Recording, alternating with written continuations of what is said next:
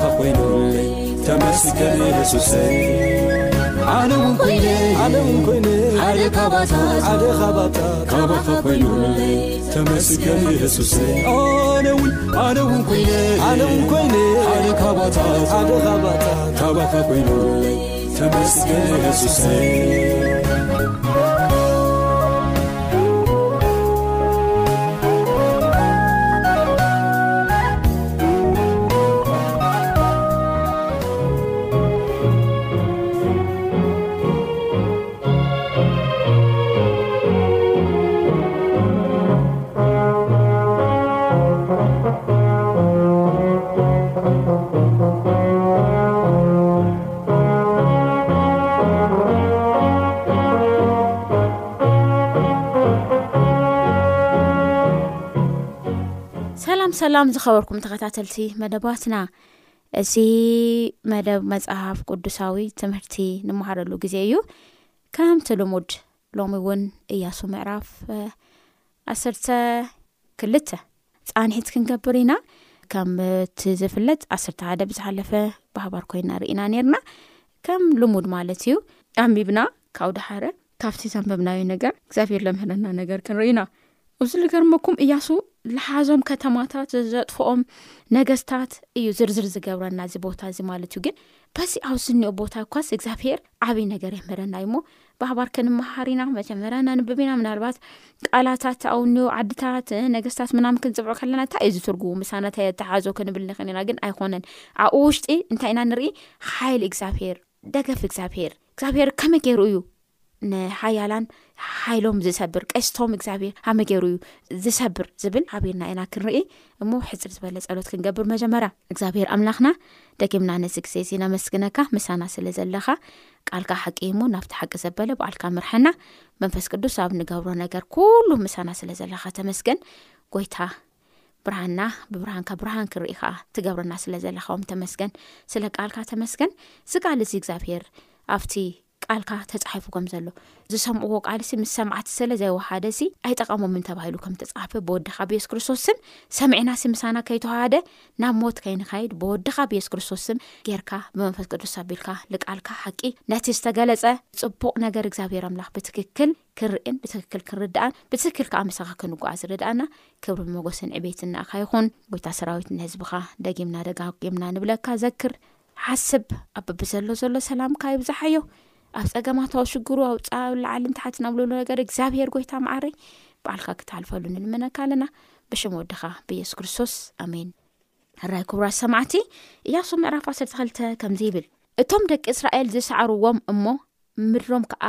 ኣብ ስግር ዮርዳኖስ፣ ብምብራቅ ጸሓይ ካብ ርባ ኣርኖን ክሳዕ ከረን ሄርሞን፣ ብሸነክ ምብራቅ ዘሎ ኩሉ ጎልጎል ድማ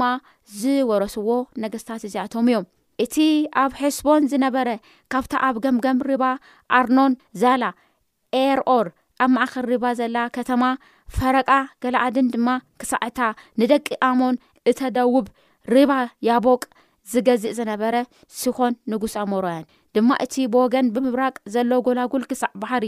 ኪነሮት ብወገን ምብራቅ ድማ ክሳዕ ባሕሪ ጎልጎል ንሱ ከኣ ባሕሪ ጨው ናብ መንገድ ቤት የስሞት ንደቡብ ድማ ኣብ እግሪ ጎቦታት ኢስጋ ድማ ዶብ ዖግ ንጉስ ባሳን ንጉስ ካብቶም ኣሽታሮትን ኣብ ኤድርዒንን ዚቕመጥ ዝነበረ ተረፍ ራፋውያን እዩ፣ ንሱ ኸኣ ኣብ ከረን ሄርሞንን ኣብ ሳልሳን ኣብ ዘሎ ባሳንን ክሳዕ ዶብ ጎሸራውያንን ማዕካውያንን ኣብ ፈረቃ ገለኣድን ድማ ዶብ ሲሖን ንጉስ ሔስቦን ይገዝእ ነበረ። ሙሴ ባርያ እግዚኣብሄርን ደቂ እስራኤልን ወቕዕዎም፣ ሙሴ ባርያ እግዚኣብሄር ድማ እታ ምድሮም ንሮቦላውያንን ንጋዳውያንን ንፈረቃ ነገድ ምናሴን ንርስቲ ሃቦ። እቶም ኣብ ስግር ዮርዳኖስ ኣብ ወገን ምዕራብ ኣብ ጎልጎል ሊባኖስ ካብ ዘላ በዓል ጋድ ክሳዕ እቲ ናብ ስዔር ዘደይብ መላጥ ከረን ዝነበሩ እያሱን ደቂ እስራኤልን ዝወቕዕዎም ነገስታት እታ ሃገር እዚኣቶም እዮም። እያሱ ድማ እታ ምድሪ ንነገዳት እስራኤል ከከም ክፍልታቶም ገይሩ ንርስቲ ሃቦም። ኣብ ኣኽራንን ኣብ ቈላን ኣብ ጐልጐልን ኣብ ጐቦታትን ኣብ በረኻን ኣብ ደቡብን ሔታውያንን ኣሞራውያንን ከነኣናውያንን ፈርዛውያንን ሓዋውያንን የቡሳውያንን ድማ ንጉስ ያርኮ ሓደ ንጉስ እታ ኣብ ጥቃ ቤትኤል ዘላ ኣይ ሓደ ንጉስ የሩሳሌም ሓደ ንጉስ ከብሮን ሓደ ንጉስ ያርሙት ሓደ ንጉስ ላኪሻ ሓደ ንጉስ ኤግሎን ሓደ ንጉስ ጌዘር ሓደ ንጉስ ደብር ሓደ ንጉስ ጌደር ሓደ ንጉስ ሖርማ ሓደ ንጉስ ኣራድ ሓደ ንጉስ ሊብና ሓደ ንጉስ ዔዱላም ሓደ ንጉስ ማቄዳ ሓደ ንጉስ ቤትኤል ሓደ ንጉስ ታጶዋ ሓደ ንጉስ ሔፎር ሓደ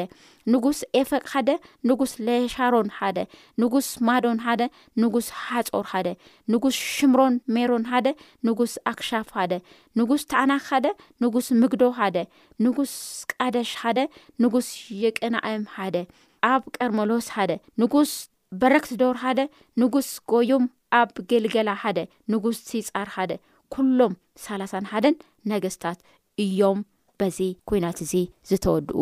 ዝተጸረጉ ማለት እዩ፣ ነታ ምድሪ ከነኣን እስራኤል ንክወርሱ። እቲ ርስቲ ንክወሃብ ተኾይኑ ንእስራኤል፣ እቶም ከነኣናውያን ኣብቲ ምድሪ ዝነብሩ ብምሉኦም ክለቁ ነይርዎም። ንኡ እዩ ትእዛዝ እግዚኣብሄር ከም ዝኾነሎም ብዝሓለፈ ርኢና ኢና። እዚ ነገር እዚ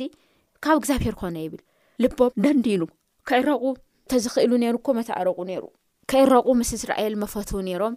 ክዕረቑ ብሓደ ክኾኑ መደለዮም ነይሮም እግዚኣብሔር መተዓረቖም ነይሩ እቲ ሕይልና እግዚኣብሔር እቲ ስራሕ እግዚኣብሔር ፈሊጦም ተዝኾኑ ነይሮም ማለት እዩ ልክ ረኣብ ኣብ ያርኮ ዝነበረት ረኣብ ኩሎም ሰሚዖም እዮም ኩሎም ርእዶም እዮም ኩሎም እግዚኣብሔር ምስ እስራኤል ከም ዘሎ ፈሊጦም እዮም በይና ግን ተሪፋ እዞም ነገስታት ከምኡ እዩ እበር እግዚኣብሔር ስኡሉ ዘጥፍእ ኣምላኽ ኣይነበረን ደቆም ሕፃናቶም ንኣሽቶም ዓበይቲ ኩሎም ኣብቲ ዓዲ ዘለው ደንድነንድ ልቢ ወይ ከዓ ተረይ ልቢ ዘለዎም ከም ዝኾነ እግዚኣብሔር ርኣየ ዝምለስ ሓደ እኳ ማእኸሎም ሰዓነ ካብ ዝተልኣለ ከጥፍኦም ከሎ ኢና ንርኢ እሞ ኣብዚ ቦታ እዚ ሰለስተ ነገራት ክንባሃር ኢና ሓደ እግዚኣብሔር ብሰልፊ ሓያል ዝኾነ ኣምላኽ እዩ እግዚኣብሔር ብውግእ ሓያል ዝኾነ ኣምላኽ እዩ ኣብዚ ምዕራፍ እዚ እግዚኣብሄር ንእስራኤላውያን ቅድሚ ዮርዳኖስ ምስጋሮም ሙሴ ከሎ ማለት እዩ ካብኡ ድሃረ ዮርጋኖስ ሰጊሮም ከዓ ነታ ተዋበቶም ናይ ተስፋ ምድስ ካብ ዝቆፃፀሩ እቶም ዝሰዕርዎም ነገስታት ይዝርዝር እዚ ሓሳብ እዚ ስለዚ ብኩሎም ውግኣት ብኩሉ ኩናት እዚ ዓቕሚ ጉልበት ዝኾኖ መን እዩ እግዚኣብሔር እዩ ሓይሊ ዝኾኖ መን እዩ እግዚኣብሔር እዩ እሞ እዚ ኣምላኽ እዚ ብሰልፊ ሓያል ብርቱዕ ከም ዝኾነ ይነግረና ማለት እዩ ምክንያቱ ብሓደ ስዒሩ ብሓደ ዝስዓር ብሓደ በርትዑ ብሓደ ዝዝሒል ኣምላኽ ኣይኮነን እግዚኣብሔር ኣምላኽና ኩሉ ሻዕ ሰዕሪ ኣምላኽ ከም ዝኾነ እዚ ንርኢ ማለት እዩ ከምዚ ይብል መዝሙር እስራን ክልተን ካብ ፈቕዲ ሸዓተ ክሳብ ሸሞንተ ከምዚ ይብል እሺ ከምዚ ይብል ኣብ መዝሙር መፅሓፍ ብርቱዕ ሓያል ብሰልፊ ሓያል እግዚኣብሄር በይኑ እዩ ይብል እግዚኣብሄር ብርቱዕ እዩ እግዚኣብሄር ሓያል እዩ ብሰልፊ እውን እግዚኣብሄር ሓያል እዩ ይብል ማለት እዩ ስለዚ ኣብዚ ምዕራፍ እዚ ዝተመስገቡ ዓወታት ኩሎም ተኣክቦም ክንምል ክንርኢ ከለና ብርግጽ እግዚኣብሔር ከመይ ገይሩ ንህዝቡ ብድንቂ ብመስተንክር ዝኾነ ዓወት እንዳመርሖም ከም ዝነበረ ክንርዳእ ኣይከብደናን እዚ ከዓ ነቲ ቀፃሊ ዘሎ መንገዲ ኣቕሚ ዝውስኸካ እዩ ማለት እዩ ሕና ከዓ ኣብ ህይወትና እግዚኣብሄር ብዙሕ ግዜ ተዋጊኡልና እዩ እግዚኣብሄር ንድሕርት መልስልና ክንርኢ ከለና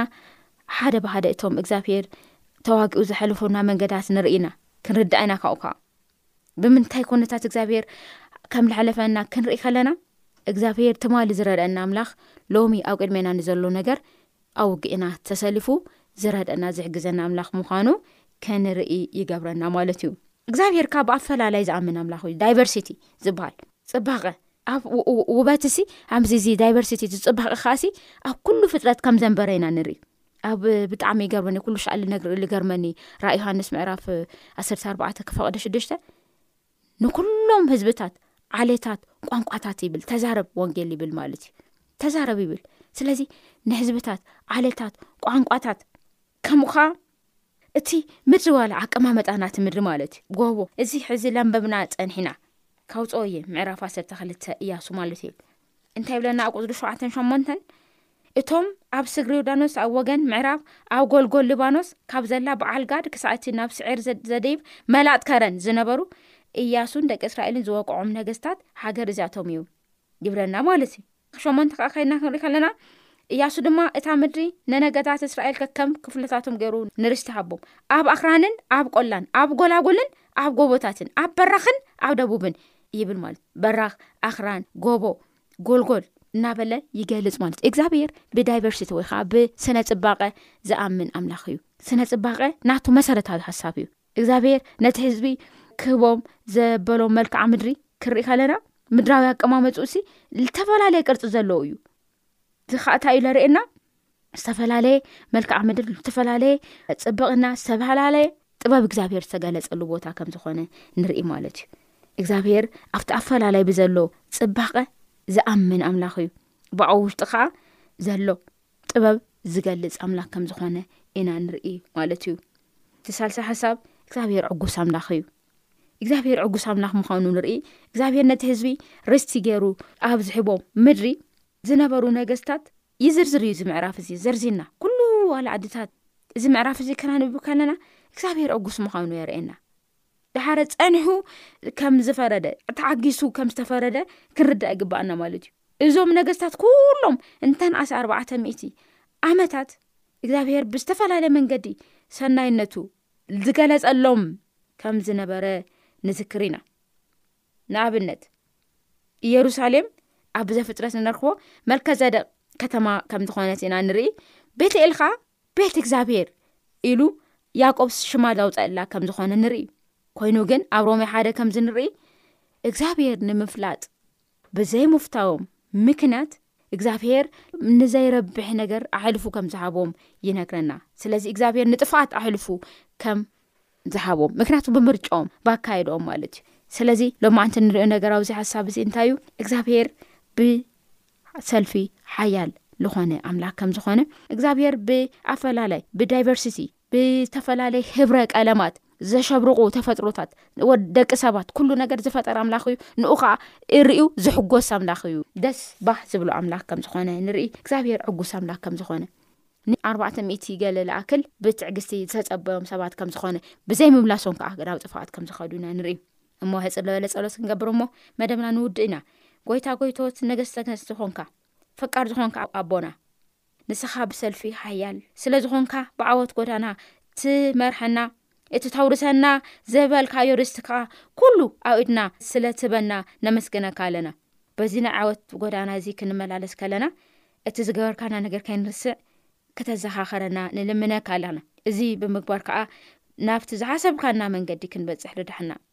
ወድኻ ኢየሱስ ክርስቶስ ከኣ ኣብ ምድሪ ናይ ምድሪ ነገስታት ኩሉ ስዒሩ ብዓወት ክግለጽ ከሎ በዚ ተስፋ እዚ ጸኒዕና ፊት ነፊት ክንገጥም ጎይታ ርድኣና ብሽም ወድኻ ኢየሱስ ክርስቶስ ኣሜን